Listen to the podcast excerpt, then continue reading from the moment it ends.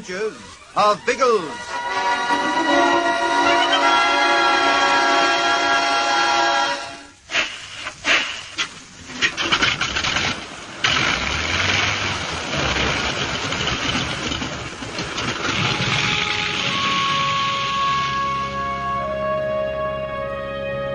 Vart tog Biggles vägen? Pojkbokshjälten som försvann. Ett program av mig, Petter Lindberg.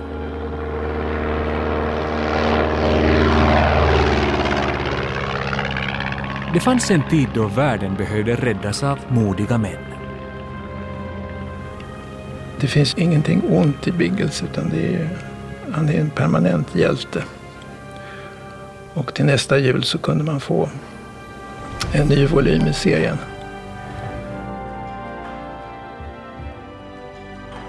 En av 1900-talets populäraste pojkbokshjältar var flygarhjälten James Bigglesworth. Kort och gott Biggles, eller Biggles, som det i svenskt uttal ofta blev. Det fanns inte en avkrok i världen som behövde räddas från skurkar, om det så gällde smugglare, nazister eller snikna affärsmän som letade efter diamanter någonstans i Afrika. If something's to be done, I'd rather have the facts and get down to work. Biggles var godheten personifierad. En gladlynt och orädd flygare som aldrig tvekade då världen behövde räddas.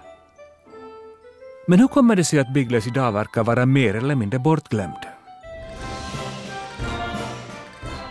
Vad blev det egentligen av pojkbokshjälten som stod för kamratskap och samhörighet och fick tusentals pojkar att drömma om äventyr och fjärran länder? Behöver vi inte hjältar som Biggles längre?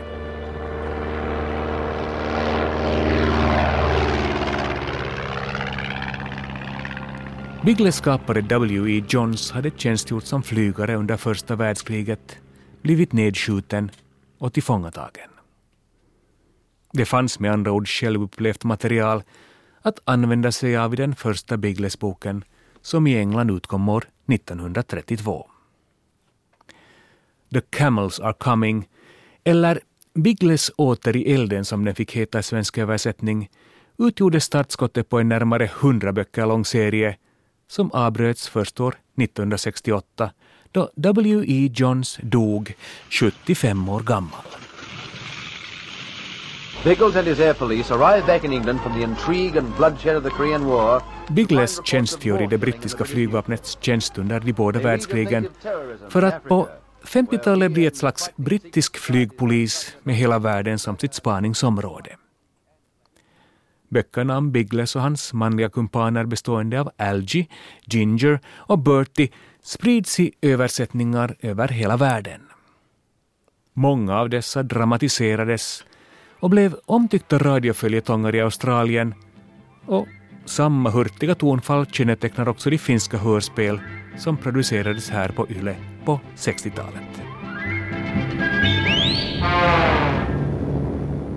Korkeusmittari osoittaa 1800. Suunta etelä. Minun laskelmieni mukaan me olemme lähestyä brittiläisen Hondurasin rannikkoa. Et ole oikein tapahtumien tasalla. Ellen erehdy tuossa suoraan edessämme on Belize, siirtokunnan pääkaupunki. Ai. Aiotko laskeutua? On pakko. Dessutom gjordes det seriealbum, tv-serier och en spelfilm år 1986 som försökte blåsa nytt liv i pojkbokshjälten som tiden redan verkade ha kört förbi. Biggles' assignment in the West Indies has produced nothing but setbacks and false trails. W.E. Johns böcker må vara spännande och bjuda på finurliga äventyr, men Biggles själv har väl aldrig varit en särskilt komplex figur. Det intrycket förstärktes också när jag återknöt kontakten med Biggles genom att läsa några utvalda böcker från 40, 50 och 60-talet. Det är häpnadsväckande hur statisk Biggles-karaktären är. Visserligen blir han äldre och världen omkring honom förändras i rask takt, men Biggles är och förblir en ungdomlig pojkscout som lite aningslöst avverkar det ena äventyret efter det andra. första Beaglesboken som kom på svenska. Den är ju illustrerad av han. Jag har stämt träff med barnboksforskaren Magnus Örn. I boken Pojklandet skriver han om pojkbokshjältar som söker äventyret, som precis som Biggles bejakar den manliga gemenskapen och som har svårt att inordna sig regler. Han bryter gärna mot olika regler och så vidare och han, han är, har svårt för auktoriteter. Och, även om han så att säga, i slutändan då naturligtvis äh, rättar in sig så visst, absolut. Och, och sen är det det här äventyret och det, det är mycket ute i naturen förstås hela tiden. Äh, så att äh, det, det, absolut finns det det. Men problemet är just att han är ju faktiskt vuxen, eller ska i varje fall föreställa vuxen. Eh, till skillnad från många andra pojkböcker då, där det alltid finns någon typ av identifikationsobjekt eller speglingsobjekt med i, i berättelsen. Mm.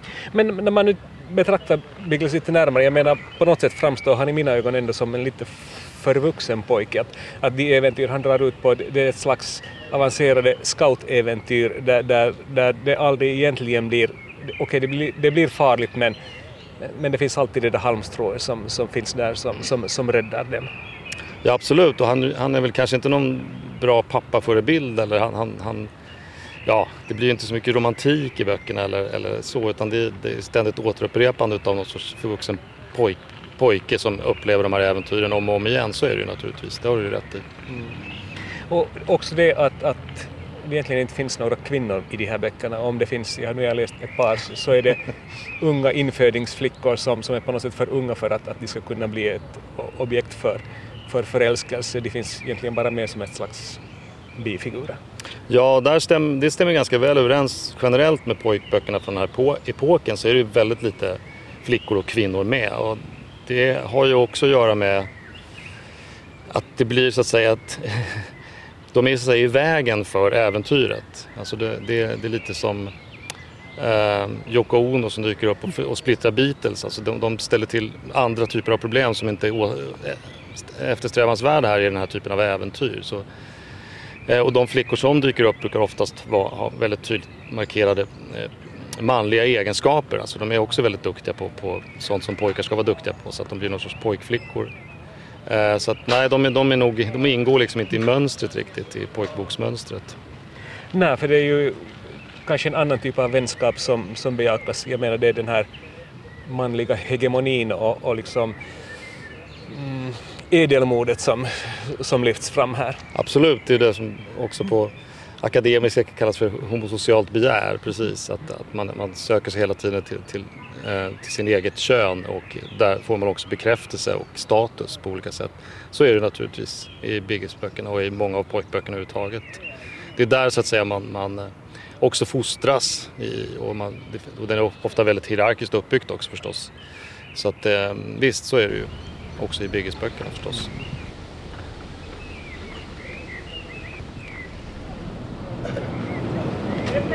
Hallå! Hej! Hej! Hej! Hej! Hej! Precis som Magnus Örn konstaterar så har kvinnorna i Biggles-böckerna en underordnad roll. Men med det inte sagt att flickor totalt skulle ha låtit bli att läsa Biggles. Den politiska journalisten Ylva Sevelin har läst dem alla hon äger dessutom de flesta och delar med sig av sitt särintresse på sajten biggles.nu.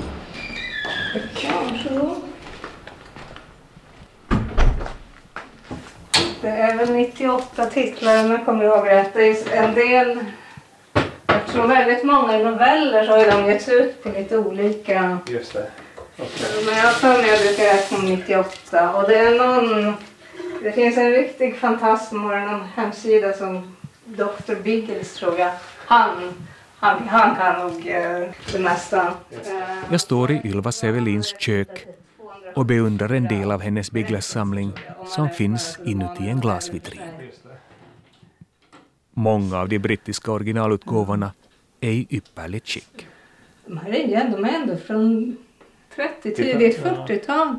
Eh, så vill man ha en, en med en snygg dustdrapper så kan det det är absolut inte omöjligt men det kostar väl kan det vara 100-200 pund beroende på vilken. När jag, när jag köpte så att säga klart min samling, det var runt 1990 och då var de ganska dyra. Sen har de sjunkit i, i pris. No, dina svenska, var, finns, var har du dem där? De har jag i ett rum med... Ditt, ditt andra ja, precis. Biggles-rum? Ja, men, ja, det är mitt skönlitterära. Det är egentligen förrådet i den här okej. lägenheten. Ja, ja. Så här har jag... Och här står de i dubbla rader överallt. Så att jag har Just det, okej. mycket, mycket böcker. Till slut har vi inspekterat samtliga Biggles-samlingar och slår oss ner i vardagsrumssoffan. Det började väl egentligen med att min farfar gav min pappa några ett par Biggles-böcker när pappa var liten. Som trillade vidare till en av mina äldre bröders bokhyllor och fräkade sig. Så det fanns väl ett dussintal när jag någon gång när jag var tillräckligt uttråkad i min un ungdom snedstreck barndom eh, letade i hans bokhylla och råkade hitta Prövade läsa den, tyckte om den, fortsatte att läsa. På den vägen är det. Jag är lite nördig så att om jag väl har börjat någonting så brukar jag inte ge upp halvvägs. Så att, eh, sen börjar jag samla på dem. Men vad var det i de här böckerna som så att säga då fångade dig? Jag, jag gillar äventyrsberättelser och han kan ju skriva en bra äventyrsstory. Eh, Sen tror jag det spelar roll att den första jag tog var, den heter på svenska Biggles flyger österut och utspelar sig under första världskriget när, när Biggles blir eh, eh, skickad till Palestina för att, för att spionera på tyska flygvapnet helt enkelt. Och den är väldigt bra, den har, den har mycket mer känsla än många andra. Och hade jag tagit någon utav de som stod lite senare som kanske var skrivna på 50-talet är jag inte alls säker på att jag skulle plocka upp en till bok. Om, om någon bok är en pojkbok så är väl Biggles en, en pojkbok, eller hela den här genren kategoriseras som, som pojklitteratur, men att som flicka eller kvinna då ändå på något sätt fastna för dessa böcker. Jag menar, Det är, det är inte alls ovanligt. Jag har ju lärt känna rätt många Biggles-fans i, i framförallt den engelskspråkiga delen av världen och är säkert ungefär 50-50 kvinnor. Mm. Sen kan jag kan ju... Kvinnor, var finns de? Om jag någonsin skulle skriva en bok som skulle i ett kapitel heta det. Och, och man kan ju räkna dem ungefär på ena handens fingrar. De är oerhört äh, små figurer. Och det kan ju låta konstigt i våra dagar, men alltså det, man var ju inte ovan vid det när jag, när jag var ung. Liksom. Um, om det inte var rena flickböcker så fanns det väldigt få Eh, uh, tjejer med. Som sagt, Tvillingdeckarna. Uh, eh, Enid Blyton har ju både och förvisso. Men såna här äventyrsböcker som gavs ut på Wahlströms form, det var det ofta manligt dominerat. Så man var nog så van vid det att inte reflektera och inte hade några problem att identifiera sig med manliga karaktärer. That's it, Yes, I think that's what we're looking for. There's no question of it. And look, by the end of it, there's a sort of lump. Även flickor kunde tilltalas av äventyret i Biggles-böckerna och som Ylva Sevelin identifiera sig med de manliga hjältarna trots att de inte utvecklades eller genomgick några större förändringar. Jag roade mig med, det var väl 80 år efter att den första boken kom ut, 2012, så roade jag mig med att läsa igenom alla böckerna kronologiskt, som jag, alltså från Birgits barndom, eh, första världskrig och så vidare och så vidare. Och en del hade jag kanske inte läst på en 20 år. Och i ärlighetens namn, när jag läste igenom det så inser man ju varför man inte har läst de flesta på 20 år. Därför att det blir ganska enahanda. Det finns en, en del som man tycker om. Men i, i den här masseffekten hinner man ju tröttna på. Men nu, nu har jag inte läst all, alla böcker i likhet med dig, men jag har läst några från varje årtionde. Och jag kan ju tycka att, att, att eh, Biggles som karaktär, där sker ingen större utveckling. Men omvärlden förändras. Och det som, som kanske ändå blir den, den stora behållningen av att läsa de här böckerna är att se hur, hur de ändå ganska fint speglar sin samtid och förändringar, till exempel då i, i det här i det brittiska imperiets fall. Alltså Johns föddes ju när drottning Victoria fortfarande satt på, på tronen och jag tycker att man kan se det ganska mycket. För även om jag tror att Johns nog försökte en hel del. Men eh, det, det är en sån här sak som nog kan vara svårt att, att skaka sig av när man har haft det med hela livet. Eh, för jag, om han beskriver en person som ja, in, inte mörkare hy än en solbränd europé, då är det en good guy. Och om det är någon som har mörkare hy så är, är det sannolikt en bad guy. Så han går i väldigt många såna här fällor. Eh, så jag, jag tror att han, han uppfattar kritiken som kom mot honom och han, han ville göra någonting åt det. Men samtidigt tror jag att han hade svårt att liksom stiga ur sin egen föreställningsvärld tillräckligt mycket för att, att fixa alla detaljer.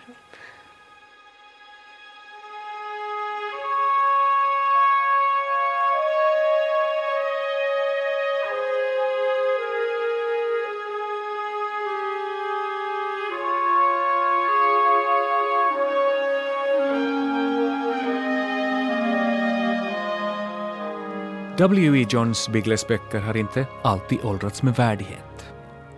Rasism och chauvinism har författaren ibland anklagats för, men samtidigt måste man hålla i minnet att böckerna långt speglar sin samtids aningslöshet. När jag återknöt kontakten med Bigles trodde jag faktiskt att äventyrsböckerna skulle vara långt värre. Visst finns det nedsättande och rasistiska beskrivningar av afrikansk ursprungsbefolkning, men samtidigt kan W.E. Johns ge uttryck för en uppriktig oro över att livsvillkoren för en afrikansk stam eller en bosättning på en söderhavsö håller på att tillintetgöras av hänsynslösa vita skurkar. Är det inte kanske i Söderhavet då, där han beskriver någon, någon Eh, språk som de inte kan, som att det lät som apors tjattrande ungefär. Så det finns ju en hel del sådana här ganska förskräckliga exempel. Ehm, man, man, kan ju så förlåta det med tanke på vilken tid han var uppväxt i, men i våra dagar så kan man ju inte bortse från det. Och det kan ju också vara en anledning att man kanske inte Uh, nu kommer inte jag ihåg om, om i Söderhavet, om det inte är en sån här bok som faktiskt finns i tryck på engelska. Men jag kan tänka mig om man skulle, någon skulle vilja ge ut den i Sverige, då tror jag man skulle vara tvungen att ha uh, ett förord. Antingen skulle man ju uh, censurera bort det, vilket jag tycker vore fel för att man måste på något vis ändå se de misstag som har gjorts historiskt. Det, det är liksom lögnaktigt att försöka påstå att inte de här rasistiska attityderna har funnits. Sen kan man ju inte censurera bort liksom all sån litteratur eller fördöma allt sånt utifrån våra tider. Men man skulle definitivt behöva skriva ett förord och förklara sammanhanget och vad det är som man kan tänka på när man läser en sån här bok. Mm. Samtidigt som han då ger uttryck för, för rasistiska åsikter eller, eller åsikter som kanske var vedertagna på den tiden. Så finns det också i den här Biggles i Söderhavet, jag menar det finns också ett, ett slags oro över den vita mannens framfart. Att det, finns, det finns den här kluvenheten tycker jag hela tiden. Nej, där. Ja, det är lite när, vad ska jag säga, naturromantiserande. Mm. Uh, han är, nog, han är nog lite romantisk. Jag kan tycka när han beskriver naturen ibland så kan det vara ja, liksom målande och lite idyll, idylliskt.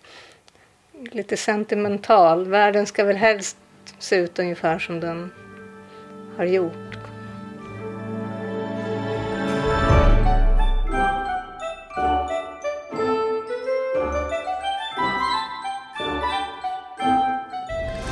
Till min stora överraskning var världen i Bigles böckerna inte fullt så svartvit som jag antog. Biggles själv genomgår ingen nämnvärd förändring, men världen omkring honom förändras i en rasande takt och det var för mig den stora behållningen när jag återknöt kontakten med dessa böcker. Att skildra det brittiska imperiets fall kan knappast ändå ha varit W.E. Johns primära syfte. Målsättningen var nog att underhålla, roa, kanske höja beredskapsandan i oroliga tider och därutöver erbjuda unga pojkar en inblick i en manlig vuxenvärld. Synd bara att Biggles aldrig blir riktigt vuxen, trots revolten och frigörelsen som forskaren Magnus Sörn känner igen från många barn och ungdomsbok.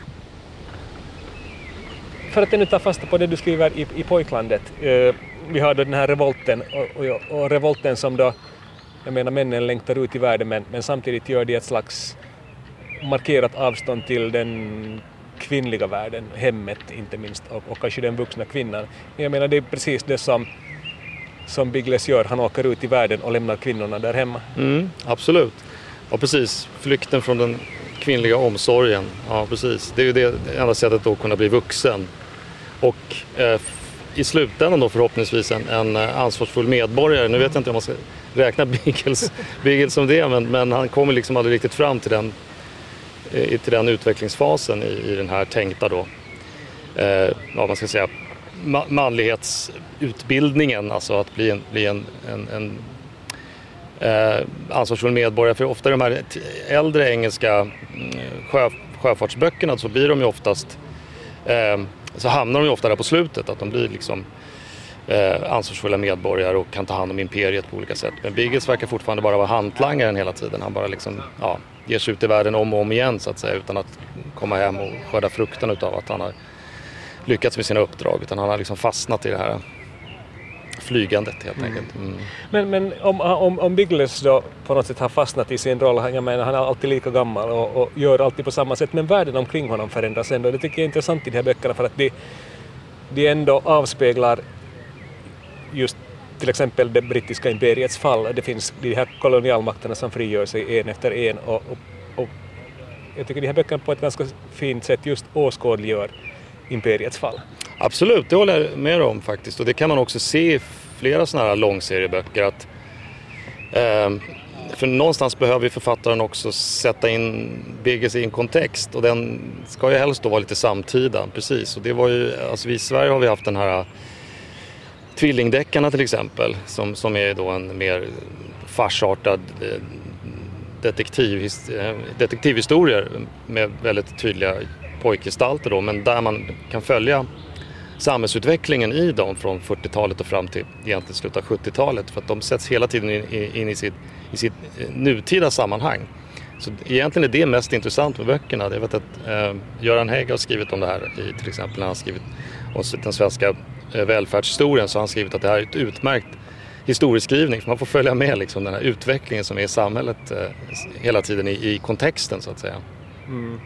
Och då känns ju de här böckerna på något sätt, eller just därför kanske något fräschare än man föreställer sig. Att, jag hade den tanken att, att Biggles på något sätt bara avspeglar en, eller cementerar en världsbild, men det, det gör de faktiskt inte. Ja, inte helt och hållet tror jag. Sen får man väl liksom läsa det med det är alltid intressant att läsa, även, även rätt dåliga och tråkiga böcker är ju väldigt intressant att läsa när man har rätt sorts glasögon på sig och ställer rätt sorts frågor till texten. Min, jag har ju läst ohyggligt mycket pojkböcker och de är ju väldigt mall, mallade och typerna är de samma hela tiden. Men, men just när man ställer de här frågorna som till exempel hur ser kontexten ut? Var utspelar sig historien? Så blir det väldigt mycket mer intressant såklart. Och just när man börjar se de här förändringarna också i, i, i eh, böckerna och i historierna så blir det spännande såklart. Precis som det blir med Biggles också såklart. Mm.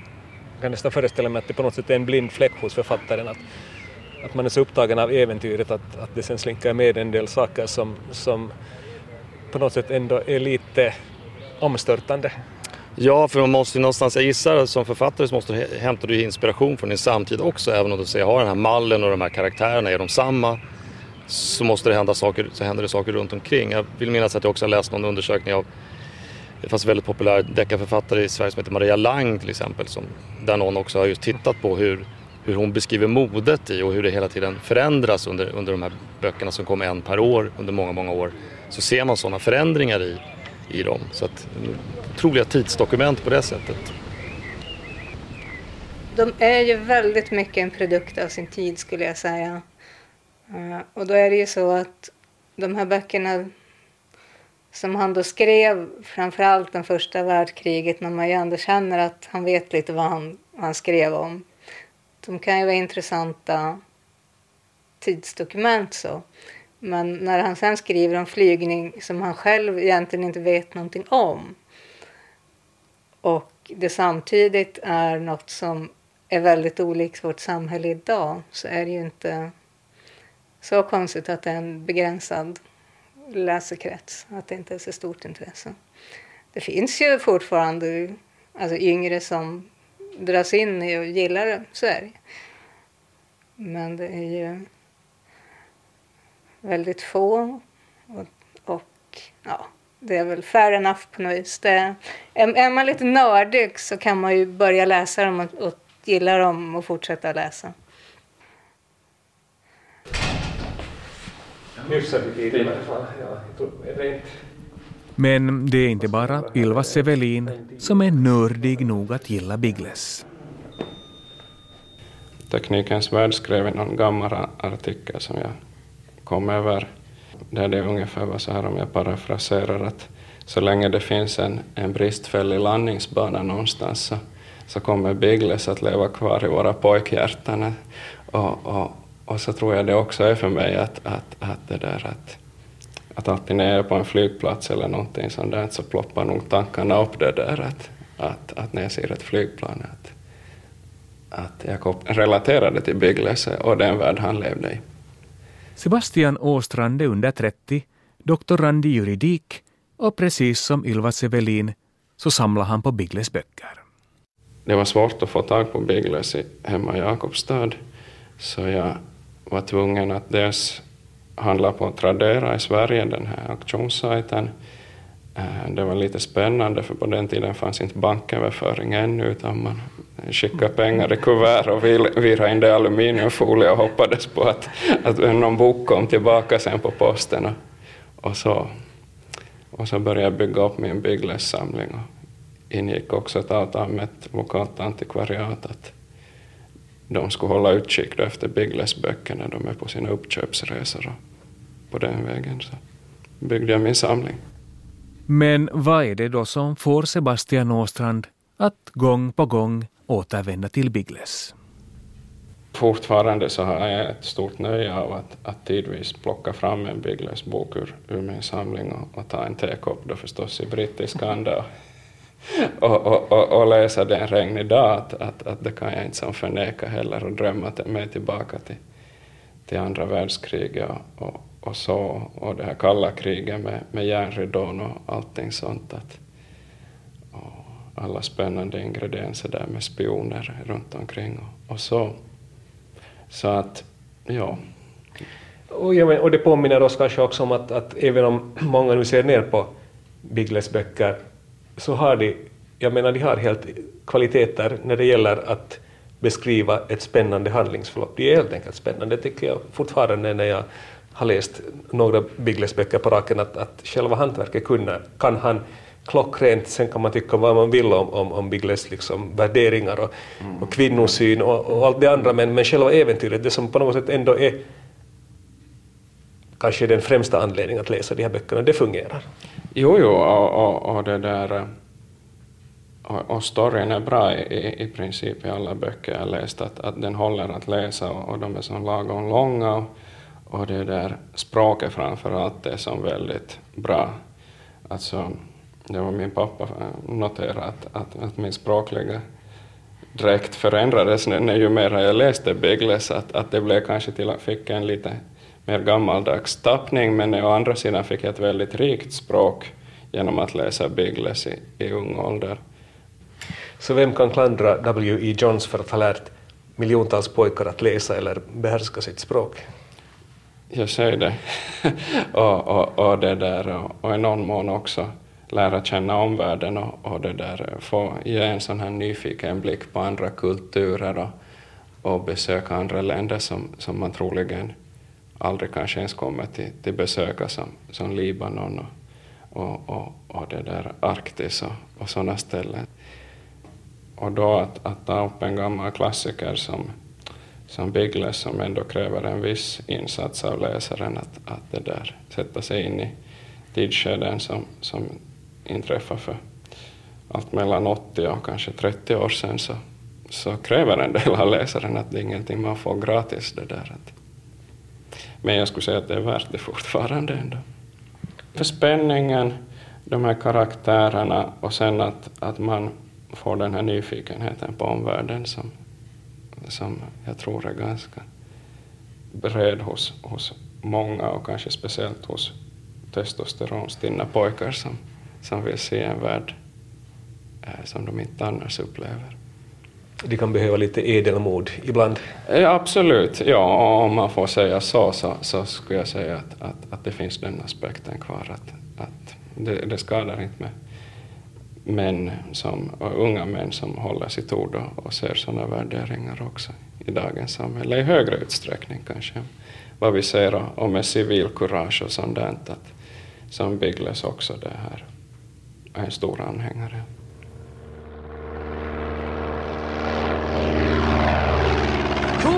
Down, Elgin. I'm going to work on that theory. You'll put down? Not this morning. Why not? Two good reasons. There may be someone watching the kite and waiting for it to land. Ja, civilkurage och edelmod råder det alltid brist på. Och visst kan man som Sebastian Åstrand läsa Biggles av just den anledningen. Eller för det goda hantverkets skull, som Ylva Sevelin. Han skriver ju rafflande äventyrshistorier om, om det är vad man är, är ute efter. Så. Action, äventyr, lite humor, mycket ja, kamratskap som vi har pratat om. Och, och återigen den här äh, första årtiondet när han ju skriver om något han känner till. Det tror jag skiljer honom från en hel del andra sådana författare som bara skrivit långa serier. Eller, även um, serier som inte ens är skrivna av en författare utan av författarkollektiv.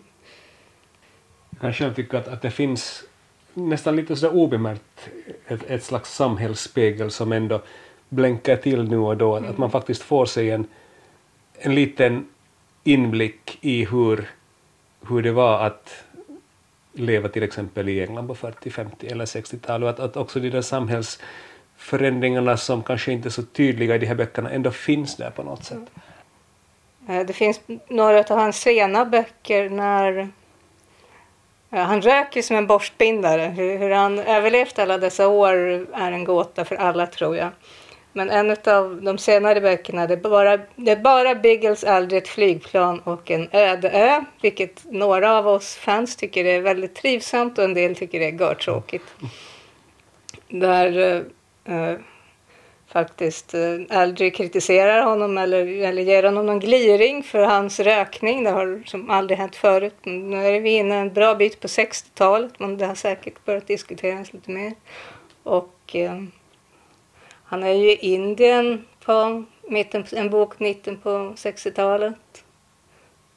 Och då är det ju då är ju Indien självständigt så då är det ju som inte brittiska kolonialtjänstemän som, som på Biggles barndom när han växte upp i Indien. Så det är klart, det, det finns en hel del sådana detaljer när man tänker efter. Han ser dem och han upplever dem och, och det är på något sätt en, en signal av en ny tid som, som på något sätt kommer in men som han då själv står fullständigt handfallen inför. Det finns i Leopardmännen finns det en, en scen där, där vi börjar prata musik och han nämner den här fruktansvärda rockmusiken i, i något om, och då inser man att jo, det här är en man, man som, som är gammal som inte förstår sig ett dyft av, av, av det som ungdomen lyssnar på idag. Ja, det stämmer nog. Jag kommer inte ens ihåg den scenen, men det, det låter väldigt Biggles kan jag säga.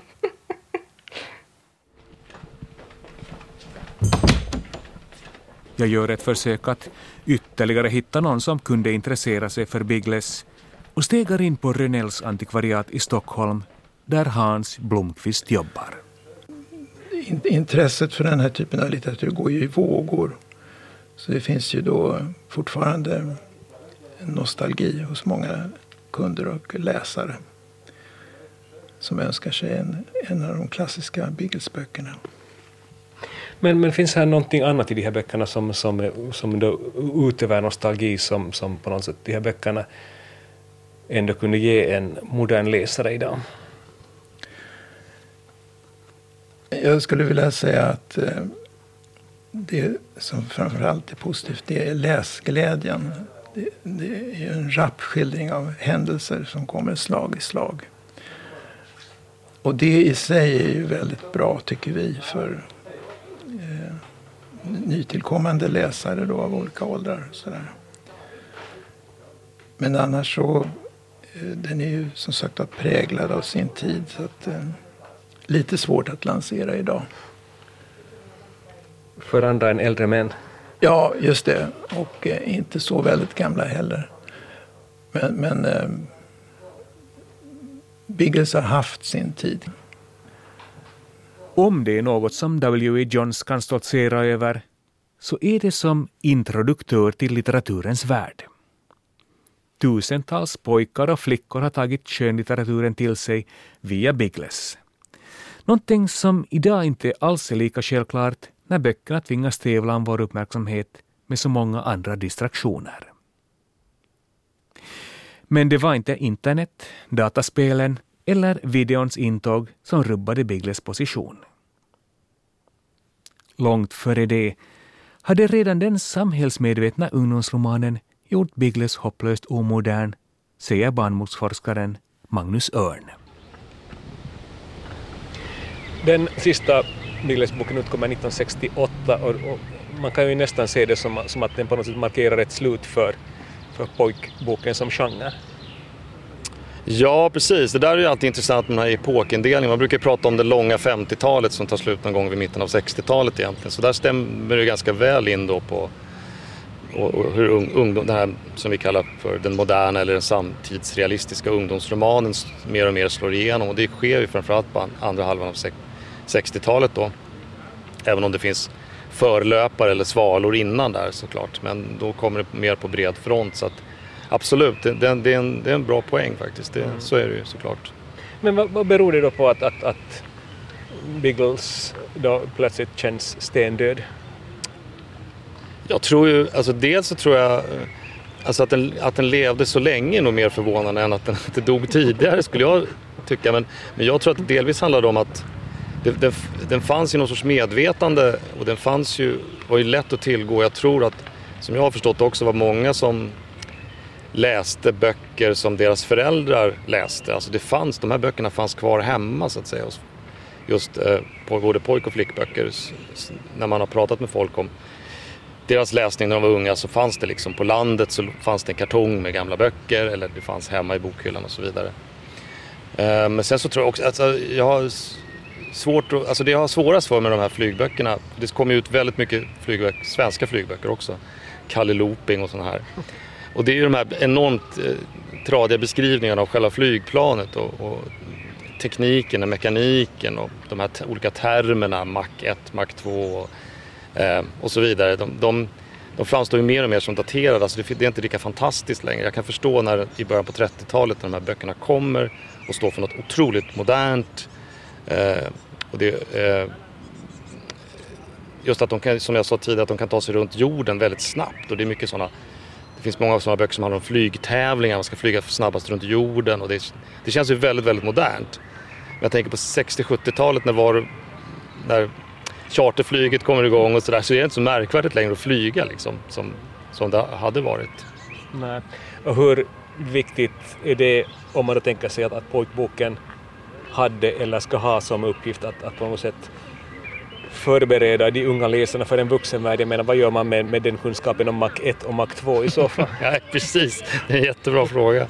Men sen så tror jag i och för sig att det som, det som händer är ju också att alltså, under Biggles storhetstid så läste ju pojkar väldigt mycket böcker. Det finns ju till och med uppgifter, jag försökte hitta det innan jag skulle träffa dig nu, men, men det finns ju uppgifter om att pojkar egentligen läste mer böcker än vad flickor gjorde vid den här tiden, säg 30-40-talet. Men sen så började pojkar läsa andra saker. På 50-talet kom ju den tecknade serien och sen kommer film och TV. Eh, och sen ja, och så rullar det på och så blir det eh, så småningom blir det tv-spel och sådär. Så, så det är liksom, den här pojkboksgenren sipprar in i andra medier och i, an, i, andra typer av berättande. Men jag tror att själva liksom grund, den här grundstrukturen i Bigges-boken, hjälteeposet, det finns fortfarande kvar. i de flesta berättelser, även i tv-serier och i tecknade serier och så vidare. Mm. Man åker ut i världen, kommer tillbaka som hjälte. Precis, vid 15 år blev stugan för trång och så vidare. Mm, så är det, absolut. Och, och, um, och så, så, ser det ut. Uh, sen kan det ju vara så att ja, om jag tittar på moderna svenska ungdomsromaner så är det väldigt ofta flickor som åker ut i världen nu istället och pojkarna är kvar hemma. Så det har skett någon sorts omkastning där. Flickorna längtar till London och New York och pojkarna blir kvar hem i, i ja, i, liksom, i, sin, i sitt eget Hem, hood. Liksom. Ja, eller hembyn, ja precis. Också en återspegling av dagens samhälle kanske? Ja, möjligen. Jag skulle tro det. Absolut. Den sipprar, sipprar samtiden in på olika sätt.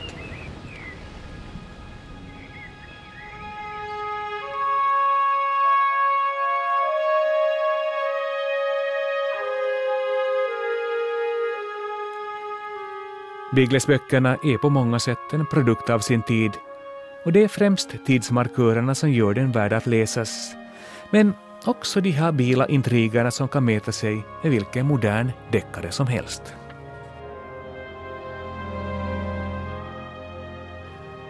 Visst är Biggles en ganska endimensionell karaktär och moralen och värderingarna är en smula tvivelaktiga.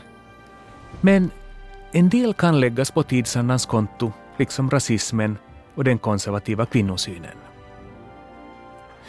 Men att Biggles på allvar skulle göra comeback? Vem vet, det kanske stundar en renässans för Biggles. Inte alls omöjligt. Efter att ha haft en period av eh, stillestånd.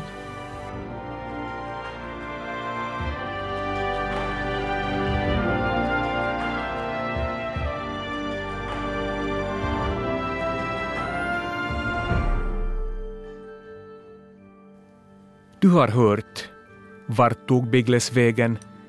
Pojkbokshjälten som försvann. Ett program av mig, Petter Lindberg. I programmet medverkade journalisten Ylva Sevelin, doktoranden Sebastian Åstrand, barnboksforskaren Magnus Örn och den antikvariske bokhandlaren Hans Blomqvist. Producent var Staffan von Martens och för ljuddesignen stod Jyrki Häyrinen.